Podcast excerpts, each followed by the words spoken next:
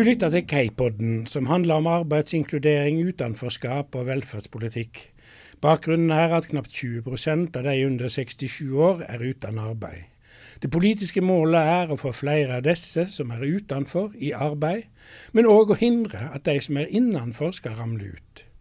I K-podden drøfter vi disse politiske målene, men vi snakker òg om hva som er tjenlige tiltak, og om utfordringer og dilemmaer som aktiveringspolitikken reiser.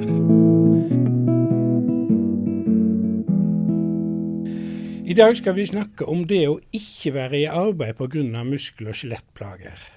Om lag en tredel av sykefraværet skyldes muskel-skjelettplager, og mer enn en fjerdedel blir uføretrygda pga. muskel- og skjelettplager. Bare her snakker vi om årlige kostnader på ca. 40 milliarder kroner. Vi spør kunne utgifter vært spart og livskvaliteten til mange mennesker vært bedre med mer effektiv behandling og bedre arbeidsretta rehabilitering? En av de som i mange år har studert muskel- og skjeletthelse, er Margret Grotle, professor ved Institutt for fysioterapi ved Oslo OsloMet. Velkommen, Margret. Tusen takk. Aller først, et kort svar på et stort spørsmål. Hva er det som gjør muskel-skjelettplager til et omfattende samfunnsproblem? Er det manglende kompetanse hos fagfolka, manglende politisk vilje, eller kort og godt vår måte å leve livet på? Det er et veldig godt spørsmål, og fra et forskerståsted så kan jeg egentlig svare kort og enkelt på det. Det vet vi faktisk ikke. Vi har ingen gode studier som går inn i og kan gi oss kunnskap om hvilke komponenter som av en kompleks og sammensatt intervensjon, som disse arbeidsretta rehab-tiltakene er, eh, virker. Det er komplekse forskningsdesign som skal til for å gjøre det. Så det er mitt korte svar, at eh, det vet vi ikke. Vi skal snakke mer om disse tingene, og vi skal snakke mer om hva som er muskel- og skjelettplager, og om å forske på det. og og sånn, så det, det skal være utgangspunktet for dette. Men, men, vi kjenner deg først og fremst som forsker og professor, uh, der du har mottatt flere priser. Men så vidt jeg vet, så har du også i mange år jobba som klinisk som fysioterapeut, stemmer ikke det? Det stemmer. Mine første vet ikke, 20, kanskje ikke det var så lenge, tror jeg kanskje, ti år, så, så jobba jeg som kliniker, og kun det. Så ja, og det har vært veldig nyttig. For da kjenner du jo litt på kroppen fra benkens uh, side om uh, hvilke, hvor er det skoen trykker hos uh, pasienter. Um, og dette med sykemelding og arbeidsevne, det er jo et viktig tema for fysioterapeuter i praksis. Ja. ja. Vi, vi, skal vi, skal starte, med å snakke om dette begrepet muskel og skjelett, eller muskel-skjelettplager. Det er jo da den viktigste årsaka til ikke-dødelig helsetap, som det heter på stammespråket. Mm. Eh, hva er det vi snakker om når vi snakker om muskel- og skjelettplager? Hva slags plager er det vi snakker om? Du, jeg har egentlig lyst til å ta det litt større, for vi snakker om muskel, og skader, sykdommer og plager. Og det er ikke så vanntette skott mellom disse. Vel, skadene sier seg sjøl. Så har vi sykdommer, muskel-skjelettsykdommer, som er f.eks. ikke-infeksiøse, inflammatoriske eller betennelsesaktige sykdommer. F.eks. leddgikt og en god del revmatiske sykdommer. Så har vi degenerative sykdommer, som f.eks. er um, artrosesykdommer. Og du kan også ha store degenerative forandringer og spesifikke diagnoser i rygg og nakke. Uh, Dette med myalgi, hva er det for noe? Ja, Da er vi på plagene. Den kommer jeg til. Jeg har én gruppe til. Det er fem grupper. Eh, og så er det osteoporosene, som også hører inn under muskel-skjelett-hatten. Så er det den store sekken plagene. Det er bare beinskjørhet? Ja. Osteoporose er beinskjørhet. Så plagene, muskel-skjelett-plager, det er eh, først og fremst nakke og rygg, hvis vi tenker forekomst. Veldig masse nakke og rygg, men det kan òg være smerter i skulder, skulder-nakke, veldig vanlig. Ho eh, ikke hodepine, men eh, andre, f.eks. knær, smerter i knærne. Og ikke minst da utbredte smerter i flere områder i kroppen. Så dette er um, Hva er det mest vanlige? Hva er det mest, det mest vanlige er lave ryggsmerter korsryggsmerter og nakke. Skulder er også ganske mye. Er det sånn at det er forskjell på kvinner og menn her? Altså Har de forskjellige plager, eller omfang av plager? Forskjellige plager? Altså ja, ja, i mange epidemiologiske studier så er det hyppigere forekomst av uh, langvarige plager hos kvinner enn sammenligna med menn. Ikke når det gjelder alle typer muskel-skjelettplager. Det er en svær sekk vi snakker om her. F.eks. hvis du snakker om prolapser og ischias, så er det ingen forskjell mellom kvinner og menn. Men når det kommer til sykemelding, så er det en ganske stor forskjell. Mm. Og det, hva går de ut på? Ja, altså Kvinner er hyppigere og lengre sykemeldt. Mm. Og det er vel også en, en større andel uh, uføretrygdede blant Akkurat. kvinner sammen, ja. uh, med tanke på ja, muskel-skjelettplager. Så har vi et annet begrep som, som ligger i farvannet her, som mm. du må hjelpe med å rydde opp i. det. Diffuse plager, hva, hva er det for noe? Det handler jo om? Diffuse, ja absolutt. Eh, det er et uheldig begrep. Jeg liker ikke å bruke det. Verken diffust eller ikke spesifikt. Fordi det handler om diagnostiseringen. Så det, nok, det kommer fra medisinere og legestanden. Eh, det er rett og slett eh, tilstander i kroppen eller, som, eller hos personer da, som, der man ikke kan sette en klar diagnose. F.eks. hvis du har vondt i ryggen og man har utelukka at dette er en uh, farlig tilstand, eller en tilstand der man kan se en klar sammenheng med f.eks. billeddiagnostiske funn som røntgen, MR. Du, kan du, kan godt ha ganske store degenerative forandringer. Allikevel så vil en, de fleste leger ikke sette merkelappen mm. eh, degenerativ ryggdiagnose mm. på det. Men så lenge det er såkalt og det ikke er noe mer alvorlige symptomer, så har man lett for å bruke en type diagnosekategori. For de må jo sette en eller annen mm. diagnosekode. Mm. Mm. Eh, da blir det en såkalt ikke-spesifikk en type dia diagnose, f.eks. lumbago, som betyr at man ikke kjenner til årsaken til disse ryggsymptomene. Men da må man hovedsakelig basere seg på pasienten sin beretning og funksjonsevne? Absolutt. Ja. Akkurat. Så det, det, er en sånn generell sak når det gjelder smerte. Smerte er jo et subjektivt fenomen. Ja. Og det handler jo om at man, om man skal tro på en person mm. som kommer og forteller at 'jeg har vondt her eller der'. Så, og noen ganger kan man forfølge det og ende opp med en klar diagnose. Veldig ofte så kan du ikke Så tar det lang tid i hvert fall før du kan ende opp med en klar diagnose. Det er faktisk veldig stor overlapp mellom muskel- og skjelettplager og det man kaller lettere psykiske lidelser. Spesielt når det kommer til sykemelding og uføretrygding. Det handler om hvilken merkelapp du skal sette på plagene dine. Ja. Dette vi her snakker om nå, er det mer eller mindre av det i Norge i sammenlignet med andre land? Altså Varierer det mellom land? Altså Forekomsten av kroniske smertetilstander, også i muskel-skjelett-sammenheng, er, er, eh, mye høyere i Norge enn i andre europeiske land som vi liker å sammenligne oss med. Og det er uh, et merkelig fenomen, egentlig. Det, gjort, det, var en stor europeisk studie for noen år tilbake, riktignok, men der eh, nordmenn rapporterte Altså 30% av de forespurte i denne undersøkelsen rapporterer vedvarende smerte, altså over tolv uker som regel, handler det om. Mens det lå mellom 10 til 15% i de andre europeiske landene. Så det er jo et interessant uh, Men man vet ikke hvorfor? Altså, nei, vi vet ikke hvorfor. Uh, her kan man uh, ja, reflektere og gjette. Fritt. ja. ja. Men hvis vi ser litt mer på årsakene eller risikofaktorene, som en sier. Hva er det som særlig eh, ligger bak eller fører til eh, disse plagene? Ja, jeg liker å skille mellom årsak og risikofaktorer. Eh, årsak vet vi lite om. Men risikofaktorer som går igjen i eh, mange store sånn helseserver, det er jo det kjønn, har vi allerede nevnt men også utdanningsnivå eller sosioøkonomisk status går ofte litt på det samme. Det er mange år siden at lavt utdanningsnivå var den sterkeste risikofaktoren for uføretrygding pga. rygg i Norge. Det er en veldig god studie som en god kollega av meg gjorde for mange år siden. Og okay. den gjelder fortsatt, ikke bare i Norge, men i andre land også. Så har du jo så klart da andre risikofaktorer. Hvis du tar f.eks.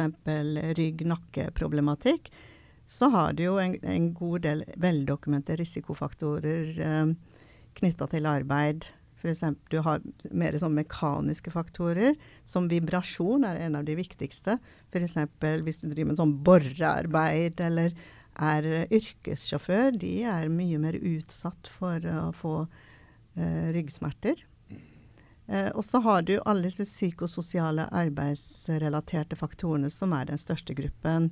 Og i det så inngår det i f.eks. i hvilken grad har du påvirkningsmuligheter. Ja. Men, men så var vi inne på dette med levemåter. Altså, man sier ofte at, eh, at eh, disse plagene er knytta til stillesitting, røyking og fedme osv. Sånn Ja, ja, livsstilsfaktorer glemte jeg å nevne. Det har du jo så klart rett i. En del livsstilsfaktorer har så klart sammenheng med vedvarende kroniske smerterapportering. Også eh, når det gjelder sykemelding, er jeg faktisk litt usikker. Eh, men det henger jo kanskje litt sammen. Men det er veldig omdiskutert om eh, altså i hvilken grad, hvor sterk sammenheng det har. Det, men det er de første vi snakka om som er de viktigste. Kjønn, utdanningsnivå, arbeidsrelaterte faktorer. Hva, hva er på en måte de viktigste tjenestene som, som man har i, som en omtaler her, som er retta mot disse gruppene? Hvis vi snakker litt bredt først. Ja, De viktigste tjenester innenfor helse, tenker du? Medisin og helse. Ja. Ja, altså, nest, altså alle disse så, møt, så tar jo kontakt med primærhelsetjenesten. Så primærhelsetjenesten er jo den viktigste, vil jeg si. Fastlegen, da, kanskje? Ja, det er fastlegene. Ja. Eh, Men også nå har jo en del fysioterapeut, altså fysioterapeuter og manuellterapeuter har jo hatt eh, eh, Nå kan man jo gå direkte til de uten å måtte gå via en lege. Og manuellterapeuter kan også sykemelde. Mm. Så, så det er også viktige eh, aktører. Det, det det er mye fokus på, det er jo dette med samhandling mellom primærhelsetjeneste, sekundærhelsetjeneste og andre tjenester, f.eks. Nav. Eh, og, og mangelen på det, da, for å Mhm. si det sånn. Det er derfor det har vært mye fokus på pasientforløp, eh, forløpspakker. Er det det som også Um, blir kalt for integrerte tjenester, eller er det abs- noe annet? Det er integrerte helsetjenester for å få mer sømløse forløp for de som trenger mange typer helsetjenester. Og det er krevende å få til? Det er veldig krevende å få til. Hvorfor det? Det er alle disse siloene, da. Bygge, bygge broer mellom alle disse siloene som har vært vant til å agere alene. Eh, fastleger, klinikere, samme hvor du er hen, og andre er travle. Veldig vanskelig å ta en telefon, f.eks. Omtrent umulig. Eh, epikriser er litt gammeldags, så man kan lure på hvem som leser de. Eh, nå finnes det f.eks. Eh, i fysioterapisammenheng så finnes det satser for å ha tverrfaglige møter. Men det tar jo lang tid å organisere sånne møter og få folk til å ta, ta seg tid til det. Men er- dette med integrerte tjenester, er det like store utfordringer innad i helsetjenesten som det er mellom helsetjenesten og andre typer tjenester, f.eks. Nav?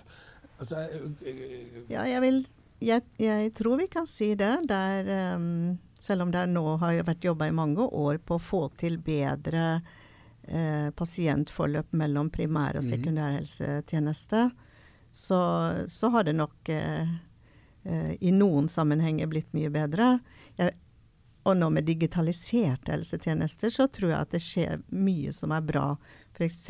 så vet jeg at det er et eh, prosjekt ved Sykehuset Østfold der man nå har Um, der man driver med hjemmebehandling av f.eks. alvorlig kreftsyke som ønsker å være hjemme, så har man, man har digital monitorering og man oppfølging av team fra sykehuset i samarbeid med team fra, fra primærhelsetjenesten.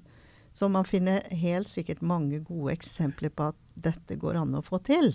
Så, så jeg støtt på begrepet arbeidsretta rehabiliteringsprogram. Hva er det for noe?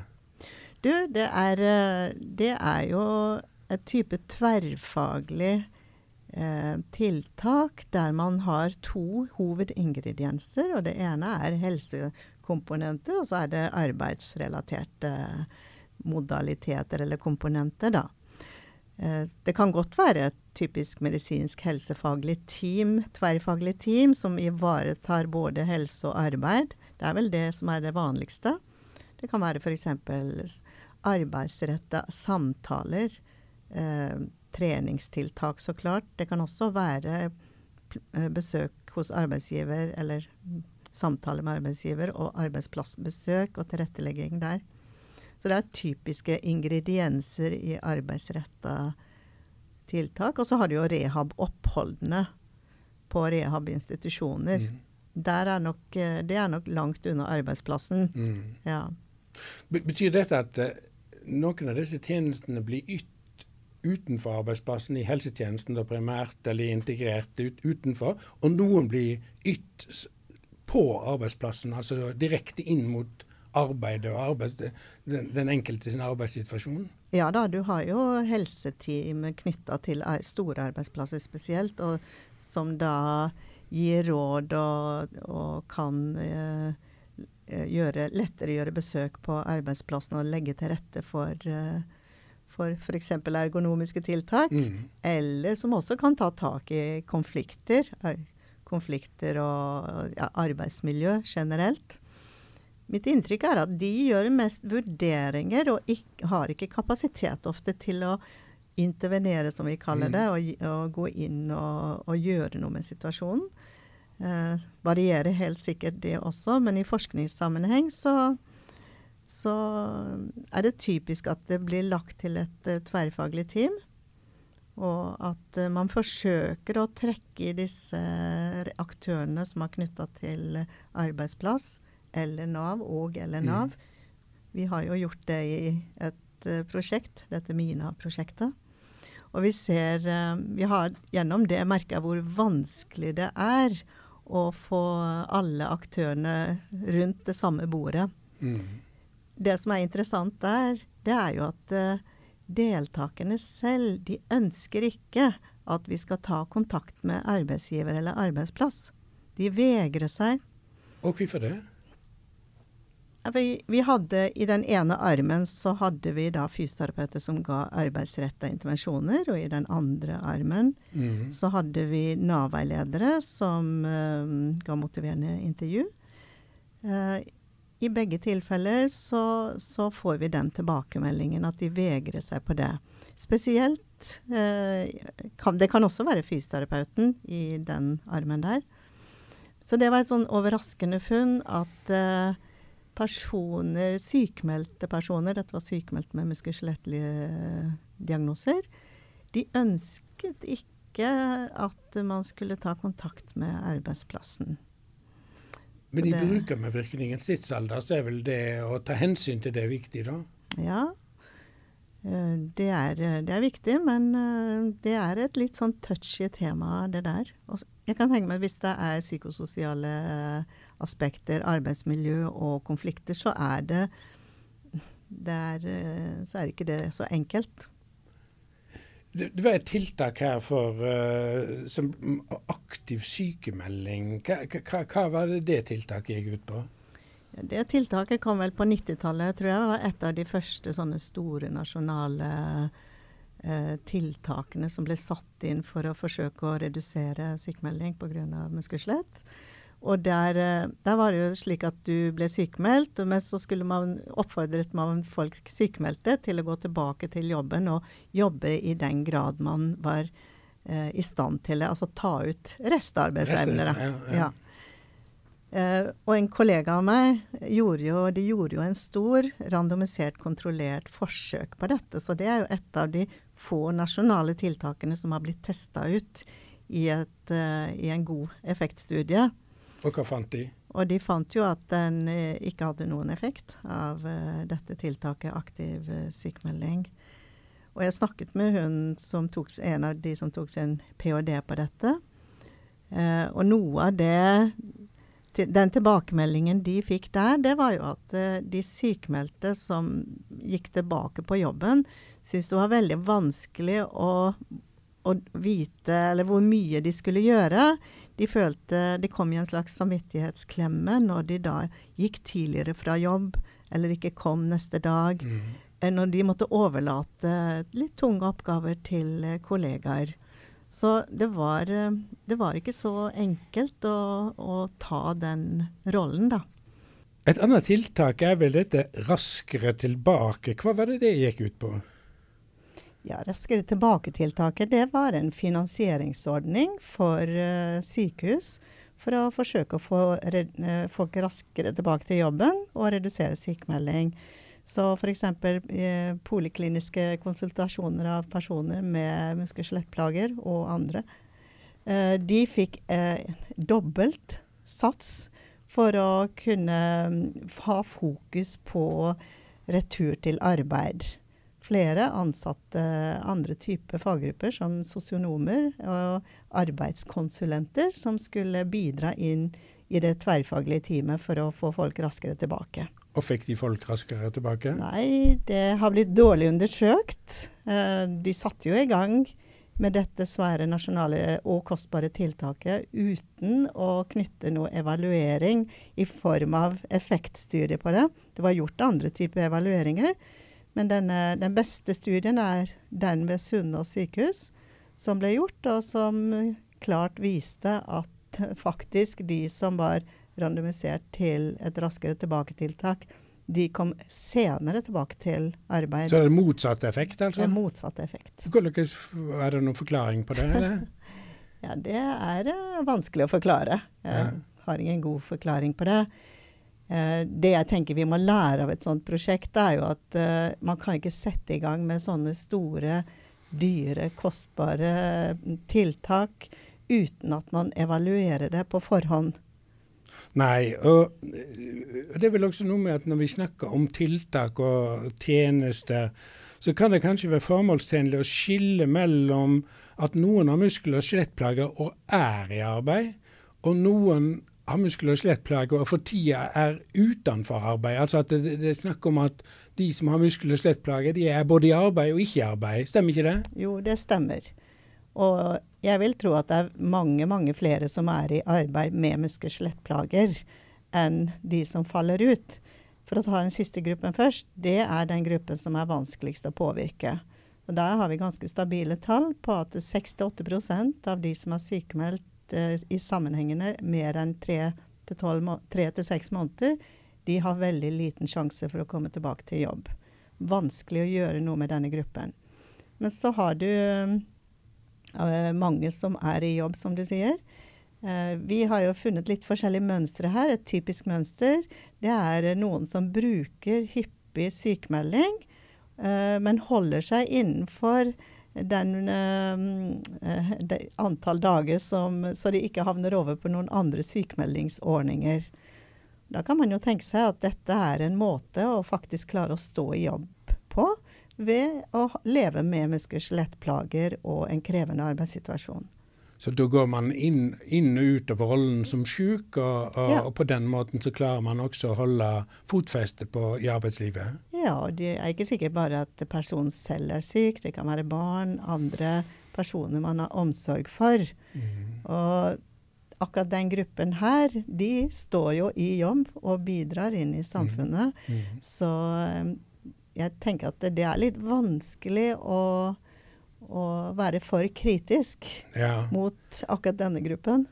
Mm. Nå ligger det i, i, det du har sagt eh, til nå, at eh, det er viktig å få kunnskap om de tiltakene som en setter i verk. Og da har jeg lyst til å spørre hvordan får man slik kunnskap? Hvordan går man fram for å finne ut om et tiltak virker bedre enn et annet? Ja, Da er det jo et forskningsspørsmål om effekt av tiltak, og der er den gullstandarden denne randomiserte, kontrollerte studien. Nå må vi ta dette stykket ja. selv. Randomisert, hva betyr det? Randomisert det betyr en tilfeldig fordeling til én av to eller flere grupper. Altså det skjer ved loddtrekning. Så du kan ikke påvirke hvilken gruppe du havner i. akkurat.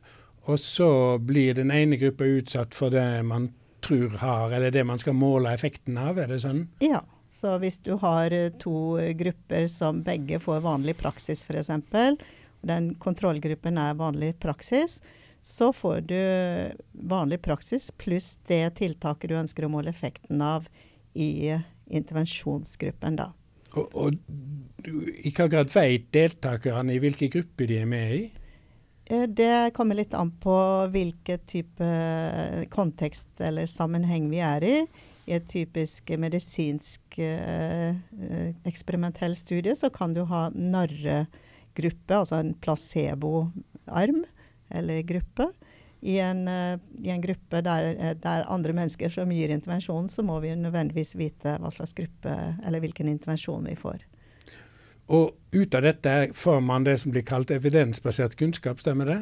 Nei, det stemmer ikke. Én RCT er ikke nok til å, å trekke og si at dette er evidensbasert kunnskap. Det er en pusle, puslespillbit i et større bilde. Ja, Hva er det som skal til mer av? Det skal jo flere studier til da, for å vise det samme, at uh, forskningen peker i samme retning uten at man kan si eksakt hvor mange studier eh, skal til. Men hvis du har gode studier med god design og høy kvalitet, så skal det færre studier til enn det motsatte med dårlig kvalitet. Men så er det en ting som jeg lurer på. at Hvis man skal måle effekten av et medikament, er det noe annet enn å måle effekten av om et tiltak kan få et få noen tilbake til arbeid? Altså Er det to forskjellige design, to forskjellige kontekster for studiet? Ja, to forskjellige eh, kontekster. Designet er for så vidt det eh, samme. Men med en eksperimentell medikamentell studie så har du mye bedre mulighet for å kontrollere andre faktorer som kan påvirke resultatet. F.eks. ved å bruke en narrepille å blinde den som informerer om studien og, gjennom, og, gir behandlingen, altså også legen, hvis det er han som gir medikamentene, så kan du blinde denne legen. I motsetning til et arbeidsretta tiltak der det da må, er helt åpenbart hvem som gir behandlingen. Og så er det vel som du da sier at uh, at en utfordring med f.eks. å måle effekt av et arbeidsartikkel, at det er så mange faktorer som kan spille inn når en skal, eh, skal teste det ut? Absolutt. Det er mange komponenter og elementer i en tverrfaglig sammensatt intervensjon. Men det kan du jo kontrollere for hvis du designer en studie bra. Så det betyr at du sier noe med effekten av hele tiltaket som sådan. Eh, og det betyr også at du har begrensa muligheter til å si hvilke komponenter eller elementer i denne, dette sammensatte tiltaket er det som virker. I hva grad kan du si at det finnes kunnskap om tiltak som uh, får deg med muskel- og skjelettplager tilbake til arbeid? Ja, Der vil jeg først og fremst si at vi har ganske mange gode effektstudier som viser at det er svært vanskelig å få folk tilbake til arbeid her i Norge. Eh, og, eh, men så har vi noen studier som viser, det, som viser lovende effekt, hvis du, hvis kan si det sånn. Er det slik at disse tiltakene som man da skal måle effekt av, må de være veldig spesifikke for de målgruppene man er opptatt av, eller kan det være mer generelle tiltak? Det er nok litt ulike oppfatninger om det, men eh, trenden nå er nok at det går mer mot det generelle. Vi vet jo uansett ikke hvilke komponenter som virker her. Så det å satse på litt bredere eh, mål eh, hva heter det, målsetting, mm. treffe Skyte litt mer med hagle, for å si det sånn, er, eh, gir nok en større sjanse for å, å, at du kan påvirke effekten av et tiltak, enn om du retter det veldig smalt det er jo sånn at I K-podden er vi primært opptatt av tiltak som påvirker eller kan få folk tilbake til eller inn i arbeid. Uh, I hva grad vil du si at de tiltakene som vært brukt, har dokumentert at de har effekt? Det spørsmålet syns jeg er vanskelig, fordi du snakker om de tiltakene som har blitt brukt eller brukes. Og det vet vi jo litt om, men slett ikke alt om. Um, Jeg tror jo at en del av de tiltakene som blir testa ut i større, større studier, blir brukt. Mm. Men så har du dette, denne utfordringen med at eh, praksis er veldig variert. Og hvem som gir disse tiltakene, kan også ha, påvirke resultatene. Så, så, det, så det, det, er iverksettingen også som skaper en usikkerhet her? Eh, ja, verksettingen og hvem som, hvem, hvem som, gir disse tiltakene. Altså personlig engasjement og motivasjon og interesse eh, kan påvirke utfallene. Og så er det vel slik at et tiltak kan ha ulike effekter på ulike ting, eller ulike utfallsmål, som man, man sier. Altså at de kan ja. få folk i arbeid, men det kan også være, være at de bedrer livssituasjonen. Er det ikke slik? Jo, eh, livssituasjonen eller våre tiltak innenfor helsetjenestene, det er jo ofte å redusere smerte og forbedre funksjon og forbedre livskvalitet. Og veldig mange av de arbeidsretta rehabiliteringstiltakene som er testa ut, viser nettopp at de kan redusere smerte og forbedre funksjon.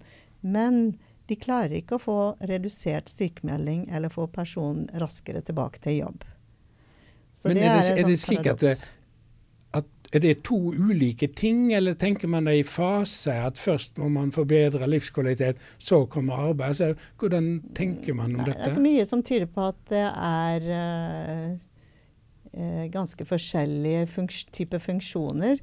Så klart så ønsker vi og tenker vi at uh, det er sammenheng mellom arbeidsevne og god funksjonsevne og arbeidsevne, eller arbeidsferdigheter. Mm. Men studier viser at spesielt da hos pasienter eller personer med langvarige muskel-skjelettplager, at det ikke er noen god sammenheng der. Men, men, kan det også være at helsetjenesten egentlig er mest rigga for å uh, være orientert mot sykdommen til folk og livskvaliteten, og ikke så mye om dette å få folk i arbeid? Det er liksom noe som er kommet og blitt pålagt helsetjenesten i de senere årene? Det har du helt rett i. Altså helsetjenesten er rigga for å redusere smerte, bedre funksjon og hjelpe folk tilbake til en, til, til en frisk tilstand.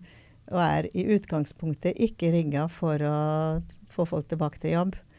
Er det en utfordring for helsetjenesten? Absolutt. Men da må jeg si, altså deler av helsetjenesten er jo altså arbeidsmedisin og arbeidsretta rehabilitering er jo en egen eh, del av helsetjenesten som nettopp har tatt den oppgaven med og redusere sykemelding, få folk tilbake til jobb. Innledningsvis fikk du spørsmål om hva som gjør muskel- og skjelettplager til et omfattende samfunnsproblem. Og Vi har snakka om risikofaktorer, og vi har hørt at det er vanskelig å sy sammen tjenester, men vi har også at det er vansker knyttet til arbeidslivet.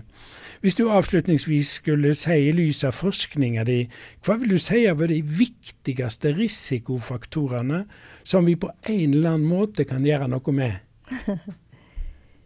ja, altså Veldig mange av disse risikofaktorstudiene fokuserer på individuelle faktorer.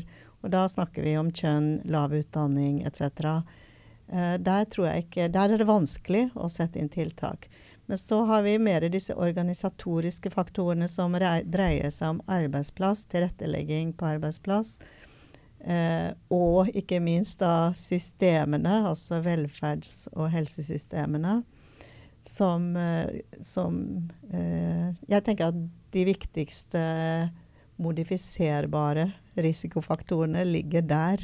Så det er mot arbeidslivet kanskje først og fremst en kan Ja, mot arbeidsliv og, og systemene. Da snakker vi om politikere som ja. må faktisk komme inn og jobbe sammen med, med helsevesen og velferdsetaten i å, i å håndtere dette. Vi må avslutte samtalen med Margaret Grotle, professor ved Institutt for fysioterapi ved Oslo OsloMet. Takk for samtalen. Takk skal du ha. Du har lytta til Kaipodden, som er en podkast fra Kompetansesenter for arbeidsinkludering. Vert i Kaipodden er Lars Inge Terum, som er professor emeritus ved Oslo OsloMet.